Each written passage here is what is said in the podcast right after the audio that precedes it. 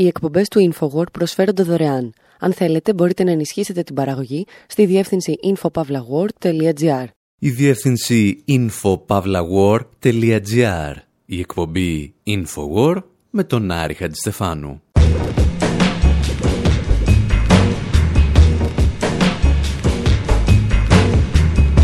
Όπου σήμερα μεταφερόμαστε και πάλι μέχρι το Μεξικό για να παρακολουθήσουμε έναν πόλεμο που έχει στοιχήσει τη ζωή περίπου 11.000 ανθρώπων τους τελευταίους πέντε μήνες και κανένας δεν σας λέει κουβέντα. Αυτή τη φορά μας παίρνει από το χέρι ένας από τους σημαντικότερους εν ζωή συγγραφείς της Λατινικής Αμερικής, ο Χουάν Βιγιόρο, τον οποίο γνωρίσαμε στην Ελλάδα με την κυκλοφορία του πανέξυπνου βιβλίου του «Η Ένοχη» από τις εκδόσεις Κουκίδα. Τραγουδάμε μαζί τους σε ρυθμούς εύθυμους για αντίπαλες συμμορίες που αποκεφαλίζουν τα θύματά τους και τα διαλύουν με μπαζούκας, όχι αναγκαστικά με αυτή τη σειρά. Βάζουμε στην παρέα μας τον πρόεδρο Ρίτσαρντ Νίξον και διαπιστώνουμε πως είναι να βυθίζεις μια ολόκληρη ήπειρο στο αίμα για να μην αναγνωρίσεις ότι το πρόβλημα είσαι εσύ. Και ξεκινάμε με εκείνον τραγουδάκι που ακούγαμε στο Μεξικό στην μεγάλη αποστολή του Infowar πριν από δύο χρόνια.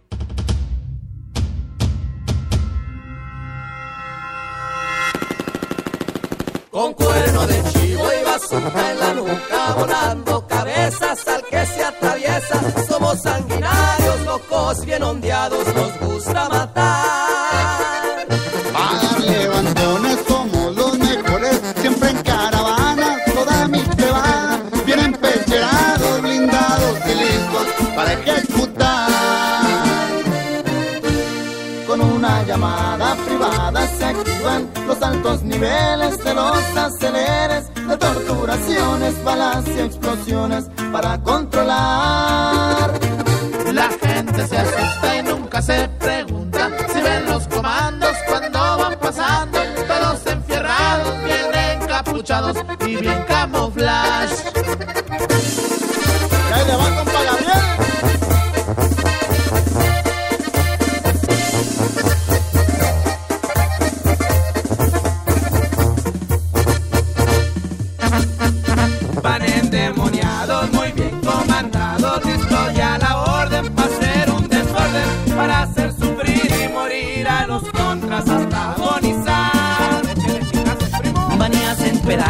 gente a balazos, ráfagas continuas que no se terminan, cuchillo afilado, cuerno atravesado para degollar. Traen mente de varios revolucionarios como Pancho Villa peleando en guerrilla, limpiando el terreno con bazuca y cuerno que hacen retumbar. El macho adelante con el comandante para acabar con lacras, todo el virus antrax, trabajo sangriento para traumatizar. Soy el número uno de clave uno, respaldado por el mayor y por el chapo. La JT siempre presente y pendiente a su apoyo dar. Οι κύριοι που ακούτε λέγονται Μπουκνάς Κουλικάν και αυτό που υπόσχονται στο τραγούδι τους είναι να σε πυροβολήσουν με ένα καλάσνικοφ ή ένα μπαζούκας, να σε απαγάγουν και να σου κόψουν το κεφάλι. Το τραγούδι ανήκει στη λεγόμενη κατηγορία των ναρκοκορίντος, ένα λογοπαίγνιο με τα ναρκωτικά και τα κορίντος, όπου κορίντος είναι μια μορφή παραδοσιακών τραγουδιών που χρησιμοποιούνταν στην Επανάσταση της Νικαράγουας, αλλά και στο Μεξικό. Τα ναρκοκορίντος εξυμνούν τις πράξεις των μελών των καρτέλ ναρκωτικών, που αποτελούν πλέον κράτος εν κράτη στο Μεξικό. Το συγκεκριμένο τραγούδι εξηγεί με κάθε λεπτομέρεια πώς μπορείς να κόψεις τον λαιμό του αντιπάλου σου με ένα μαχαίρι ενώ συγκρίνει αυτές τις επιλογές με την επαναστατική δράση του Παντσοβίγια.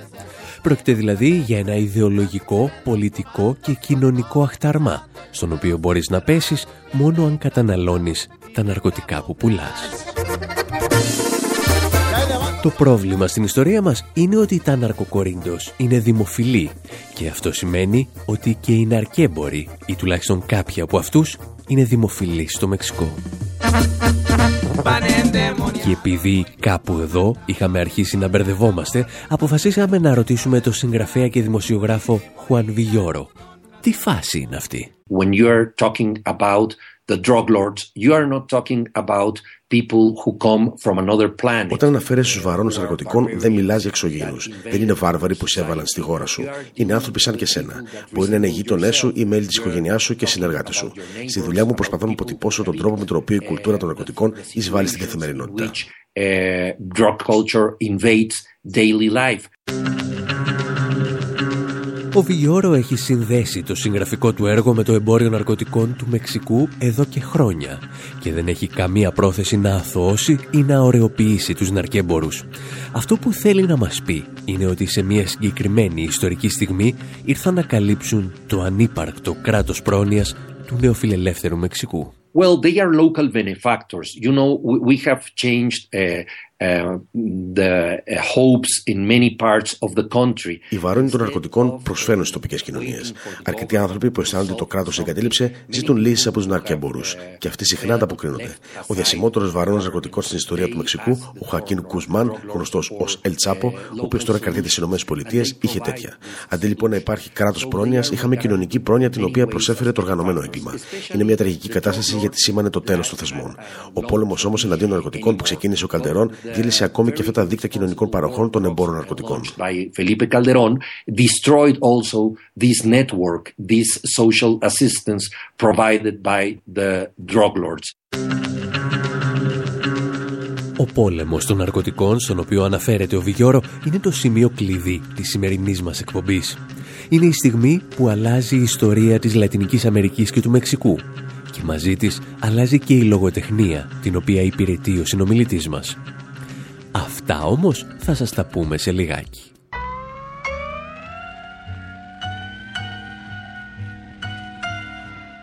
Son las drogas, el trago, es la nicotina, son las anfetaminas, es la economía, son los gringos, la migra, es la adrenalina, es la disciplina que me falta en la vida, son las líneas, yo dibujo fuera de ellas, es la guerra, es la tele, son la reportera, son las congas, la coca, besos en la boca.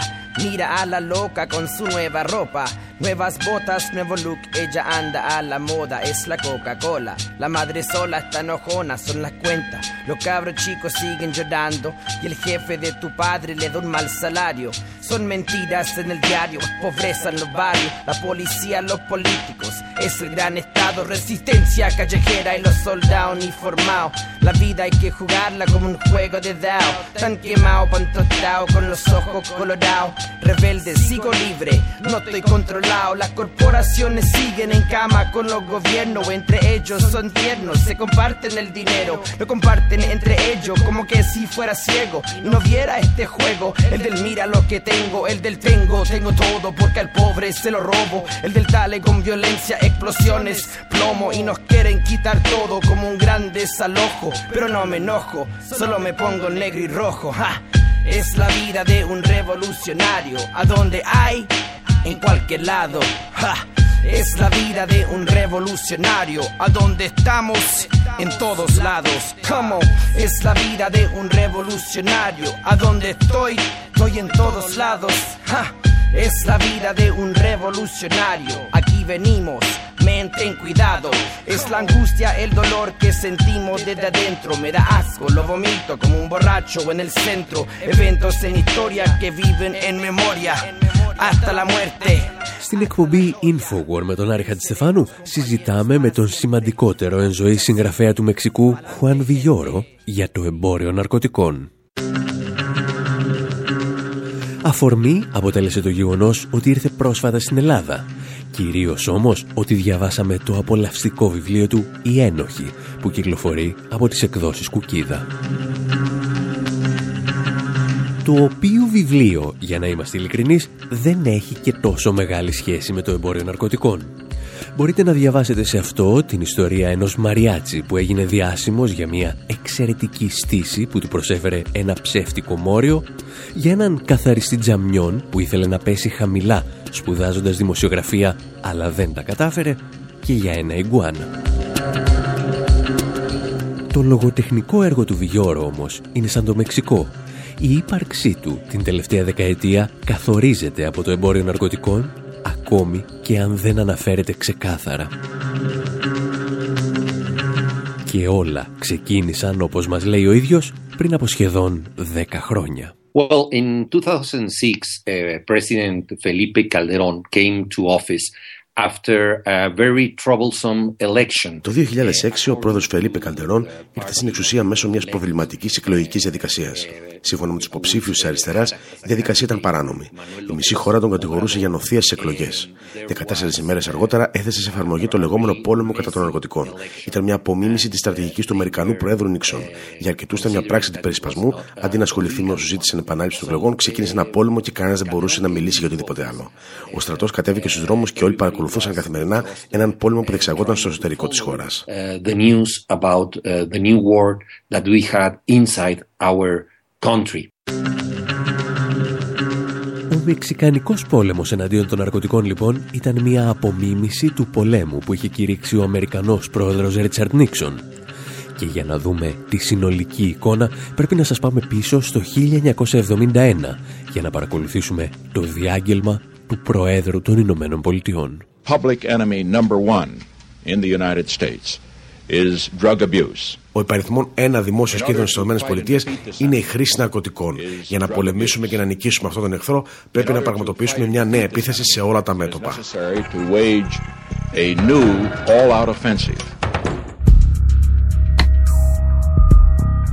Λέγοντας φυσικά όλα τα μέτωπα, ο πρόεδρος Νίξον δεν εννοούσε και όλα τα μέτωπα. Ο πόλεμος εναντίον των ναρκωτικών που ξεκίνησε το 1971 δεν αφορούσε τη ζήτηση που προέρχεται από τις Ηνωμένες Πολιτείες, αλλά την προσφορά που δημιουργείται στη λεγόμενη πίσω αυλή των Ηνωμένων Πολιτειών, δηλαδή στις σύγχρονες απικίες της Ουάσιγκτον. Γιατί, όπως μας εξηγεί ο Χουάν Βιόρο, το οργανωμένο έγκλημα δεν μπορεί να στηριχθεί μόνο σε αυτούς που παράγουν τα ναρκωτικά, χρειάζεται και τις χώρες που τα καταναλώνουν. Organized crime can only prosper uh, with the complicity of partners inside the United States because το οργανωμένο έγκλημα μπορεί να χτίσει μόνο με τη συνεργασία ανθρώπων στο εσωτερικό των ΗΠΑ. Αυτή η χώρα είναι ο μεγαλύτερος καταναλωτής ναρκωτικών στον κόσμο και ο μεγαλύτερος πολιτής όπλων. Η DEA όμως, η υπηρεσία που είναι αρμόδια για την καταπολέμηση των ναρκωτικών, δεν μιλάει για το τι συμβαίνει στο εσωτερικό των ΗΠΑ. Η εξωτερική πολιτική των ΗΠΑ ορίζει ότι οι υπεύθυνοι για το εμπόριο είναι μόνο άνθρωποι που ζουν έξω από τις ΗΠΑ.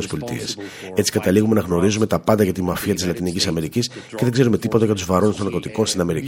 Υπάρχει ένα είδος αφηγηματικού εμπάργου στο εσωτερικό της χώρας, το οποίο απαγορεύει να τυπώνονται ειδήσεις και να κυκλοφορούν σχετικές πληροφορίες.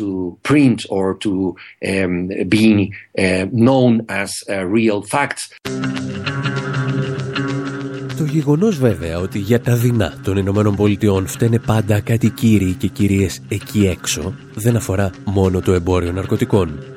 Είναι, μας λέει ο Βιγιώρο, η επίσημη πολιτική της Ουάσιγκτον και των Αμερικανικών μέσων ενημέρωσης από την εποχή του Δευτέρου Παγκοσμίου Πολέμου. This belongs to a very long American tradition of considering that the enemies Είναι μια μακρά αμερικανική παράδοση σύμφωνα με την οποία οι εχθροί βρίσκονται πάντα εκτός των συνόρων. Είχαν τους Ναζί στο Δεύτερο Παγκόσμιο Πόλεμο, τους κομμουνιστές στο Ψυχρό Πόλεμο και ύστερα τους Ισλαμιστές τρομοκράτες και τους βαρώνους των ναρκωτικών. Και τώρα με τον Ντόναλντ Τραμπ ο εχθρός είναι οι Μεξικανοί the drug lord, and now with Donald Trump, the Mexican. Ο πόλεμος εναντίον των ναρκωτικών λοιπόν ήταν μια ευκαιρία για τις Ηνωμένες Πολιτείες να ορίσουν τον άλλο με αλφακεφαλαίο και να του κηρύξουν τον πόλεμο. Ιστορίες για να έχουμε να λέμε στο δεύτερο μέρος της εκπομπής. Εσείς να θυμάστε πως τέτοιου είδους ιστορίες με ήχους, εικόνες και πολυκείμενο μπορείτε να βρίσκετε πάντα στη σελίδα μας info.pavlaword.gr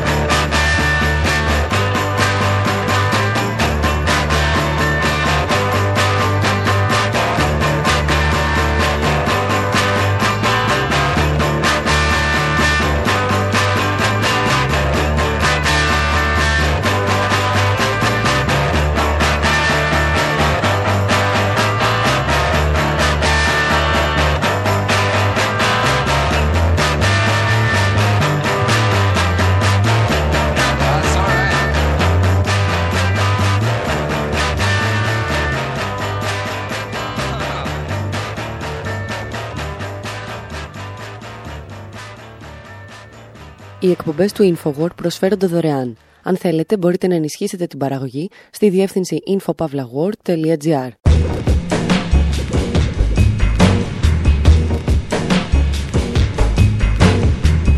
Στην εκπομπή Infowar με τον Άρη Χατζηστεφάνου συζητάμε για το εμπόριο ναρκωτικών και πώς άλλαξε μια ολόκληρη ήπειρο.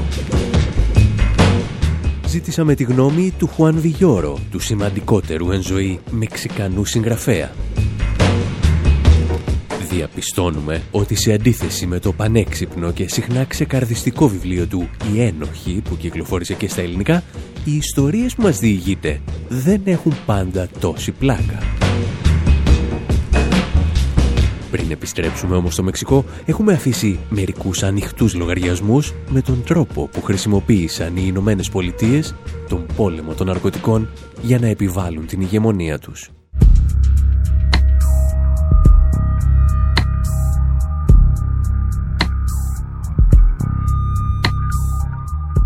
Ο Πόλεμος κατά των ναρκωτικών αποτέλεσε μεταξύ άλλων και μια πρώτης τάξης ευκαιρία για στρατιωτικές επεμβάσεις στη Νότια Αμερική στην Κολομβία, λόγου χάρη, το Πεντάγωνο και η CIA χρηματοδότησαν αφιδώς την κυβέρνηση και παραστρατιωτικά τάγματα θανάτου που μάχονταν τους πάλε ποτέ μαρξιστές αντάρτες του ΦΑΡΚ. Σε άλλες χώρες, όπως ο Παναμάς, τα πράγματα ήταν και πάλι πιο σύνθετα. Welcome to Panama. Thank you, Ambassador. Not the Osnard got drummed out in Madrid. Foreign Minister's wife, wasn't it? Η βαβούρα που ακούτε προέρχεται από την ταινία «Ο ράφτης του Παναμά», στην οποία ο Τζον Λε Καρέ περιγράφει τη χώρα που άφησε πίσω της η Αμερικανική εισβολή του 1989. Now that it's in the wrong hands. But here, what a good spy really... Πριν από την εισβολή, στην εξουσία του Παναμά, αν θυμάστε, βρισκόταν ο Μανουέλ Νοριέγκα, ο οποίος τύχαινε να είναι και πράκτορα στη CIA, όταν διευθυντής της υπηρεσίας ήταν ο George Bush ο πρεσβύτερος. Ο Νοριέγκα ήταν επικεφαλής και ενός κολοσιαίου καρτέλ το οποίο έστελνε στην Αμερική τεράστιες ποσότητες ναρκωτικών κάτω από τη μύτη ή και μέσα στη μύτη της ομοσπονδιακής κυβέρνησης. Και πώς το ξέρουμε αυτό; Το κατήγγειλε ο υποψήφιος για την Αμερικανική Προεδρία Μάικλ Ντουκάκης, κατηγορώντας ευθέως τον Τζορτζ Μπούς ότι συνεργαζόταν με τους ναρκοβαρώνους του Παναμά και συγκεκριμένα με τον Νοριέγκα.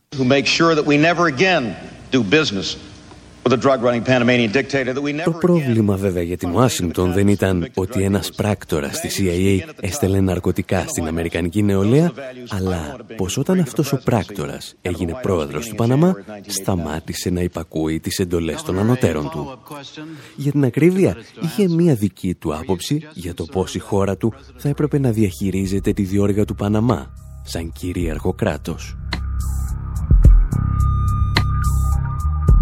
Και έτσι, μία βραδιά του 1989, ο George Bush, που δεν ήταν πλέον διευθυντής της CIA, αλλά πρόεδρος των ΗΠΑ, αποφάσισε να εισβάλλει στον Παναμά και να συλλάβει τον Οριέγκα, που δεν ήταν πλέον πράκτορα στη CIA, αλλά πρόεδρος του Παναμά. Fellow citizens, last night I ordered U.S. military forces to Panama. No president takes such action lightly. Η Κολομβία, η Βολιβία, ο Παναμάς και το Περού ήταν μερικές μόνο από τις χώρες όπου ο λεγόμενος πόλεμος κατά των ναρκωτικών χρησιμοποιήθηκε σαν πρόσχημα για την ανατροπή εχθρικών καθεστώτων ή την ενίσχυση των κυβερνητικών δυνάμεων απέναντι σε αριστερές οργανώσεις ανταρτών. Ο πόλεμος κατά των ναρκωτικών όμως συνεχιζόταν και στο εσωτερικό των Ηνωμένων Πολιτειών και για άλλη μια φορά ήταν ένας πόλεμος ταξικός. Ιστορίες που θα συζητήσουμε εντός ολίγου.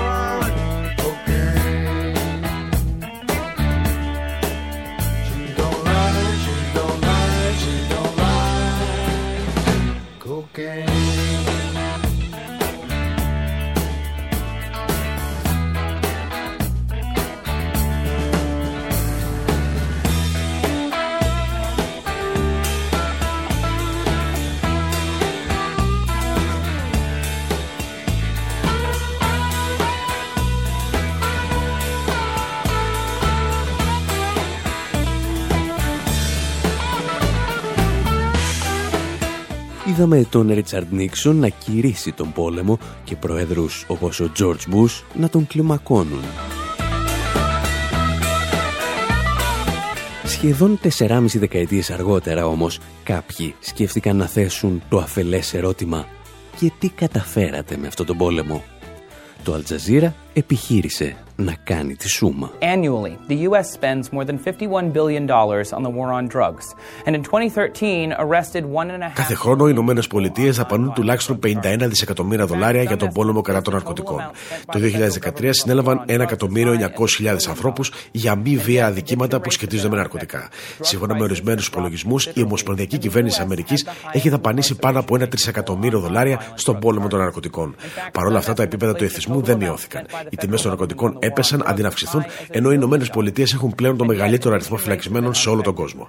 Ακόμα και η CIA έχει μπλακεί στο εμπόριο παράνομων ουσιών. Εάν η κυβέρνησή μας παραβιάζει την νομοθεσία παράνομων ουσιών, γιατί περιμένουν να το κάνουμε εμείς; If our own government can't avoid violating drug laws, how can we be expected to?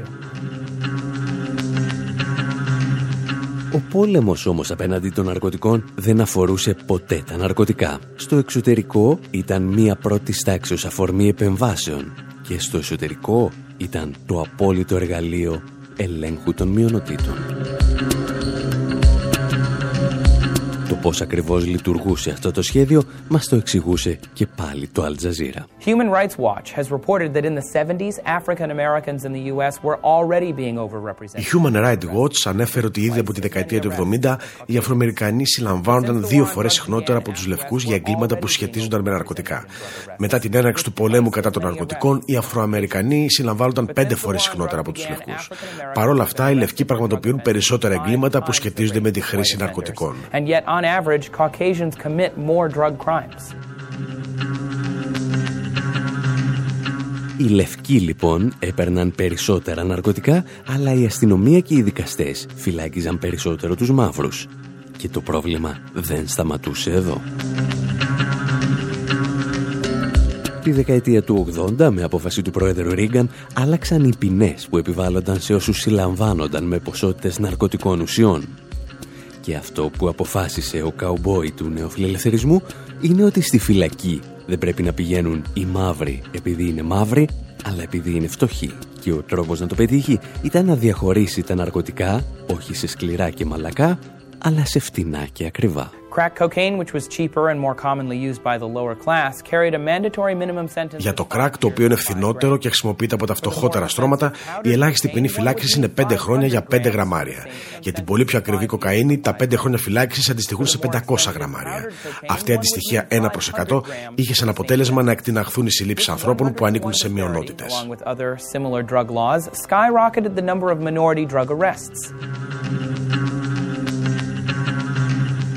Το κρακ, αν κάνετε ότι δεν γνωρίζετε, είναι παράγωγο και υποκατάστατο της κοκαίνης. Ουσιαστικά λέγεται και κοκαίνη των φτωχών και πιστεύεται ότι δημιουργήθηκε τη δεκαετία του 80 για να καλύψει τη ζήτηση των φτωχών χρηστών στο Χάρλεμ. Αν λοιπόν είσαι φτωχός και ζεις σε ένα γκέτο θα φας πέντε χρόνια για πέντε γραμμάρια ενώ αν είσαι πλούσιος κοκάκιας χρειάζεται να σε πιάσουν με μισό κιλό για την ίδια ποινή. Το αποτέλεσμα είναι ότι σήμερα ζει μέσα σε κάποιο κελί ένας στους 14 μαύρους των Ηνωμένων Πολιτειών, ενώ μόνο ένας στους 106 λευκούς. Σε απόλυτα μεγέθη, ο αριθμός των μαύρων που βρίσκονται σήμερα στη φυλακή και σε καθεστώς επιτήρησης ξεπερνά τον αριθμό των σκλάβων του 1850. Ο πόλεμος κατά των ναρκωτικών λοιπόν επανέφερε στις Ηνωμένες Πολιτείες τις ισορροπίες που επικρατούσαν στα χρόνια της δουλείας. Κόστισε κάτι παραπάνω, αλλά άξιζε τα λεφτά του.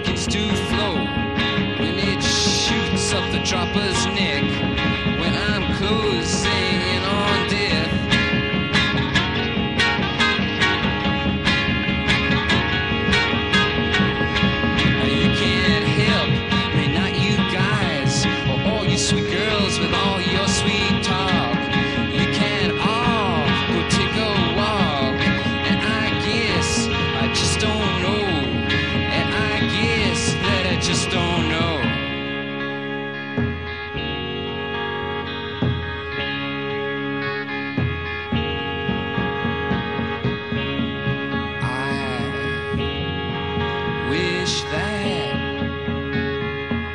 I was born a thousand years ago.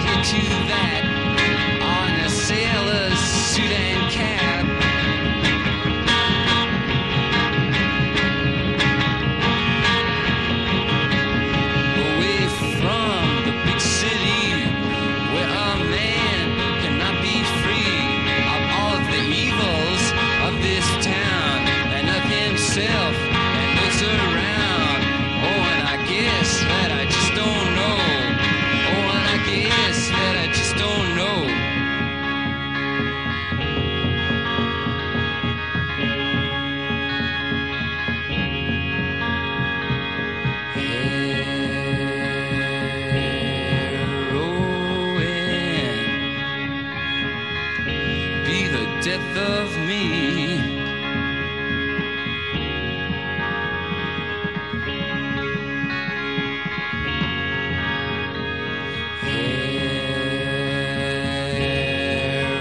Heroin.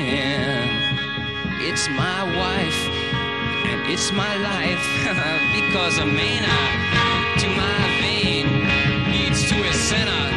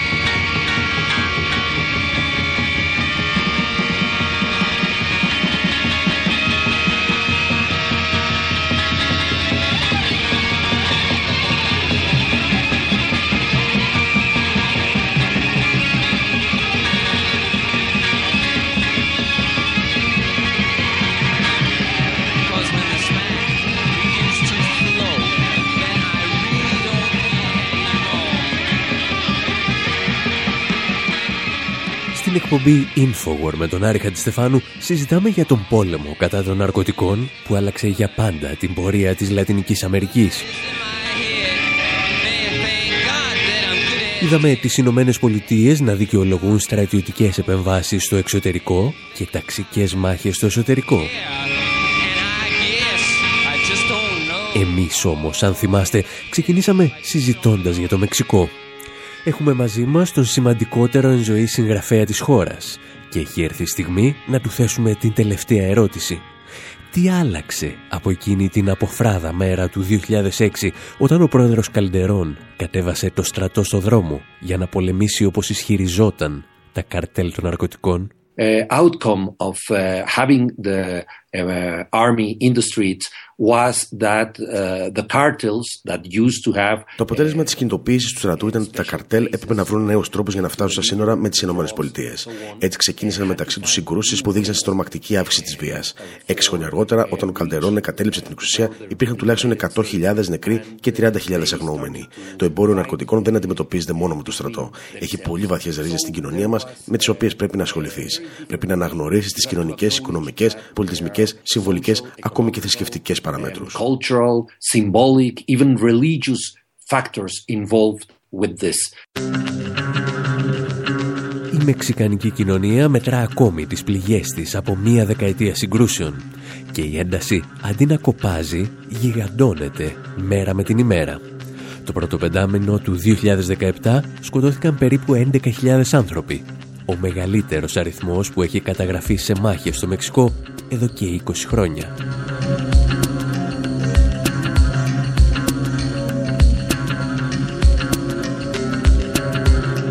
Εμείς πάλι παρόλα αυτά και κάπου εδώ λέμε να σας αφήσουμε και για αυτή την εβδομάδα. Παραμένουμε σε καθημερινή επαφή μέσω της σελίδας μας infopavlagor.gr όπως επίσης και στο Twitter και στο Facebook. Μέχρι την επόμενη εβδομάδα πάντως από τον Άρη Χατζηστεφάνου στο μικρόφωνο και τον Δημήτρη Σαθόπουλο στην τεχνική επιμέλεια, γεια σας και χαρά σας.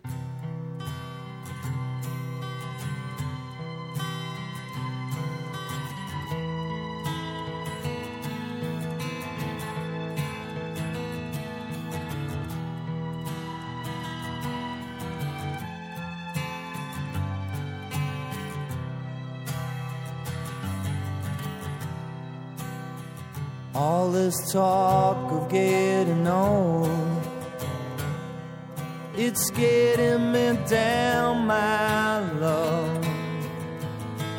Like a cat in a bag, waiting to drown. This time I'm coming down. And I hope you're thinking of me as you lay down on your side. Now the trucks don't work, they just make you worse. But I know I'll see your face again. Now the trucks don't work, they just make you worse. But I know I'll see your face again. But I know I'm on a losing streak. As I pass down my old street.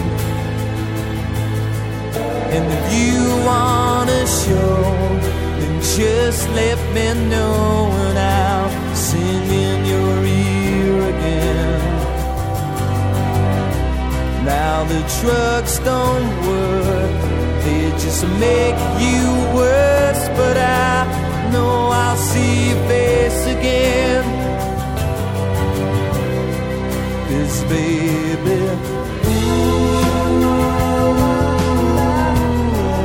if heaven falls, I'm coming to, just like you said.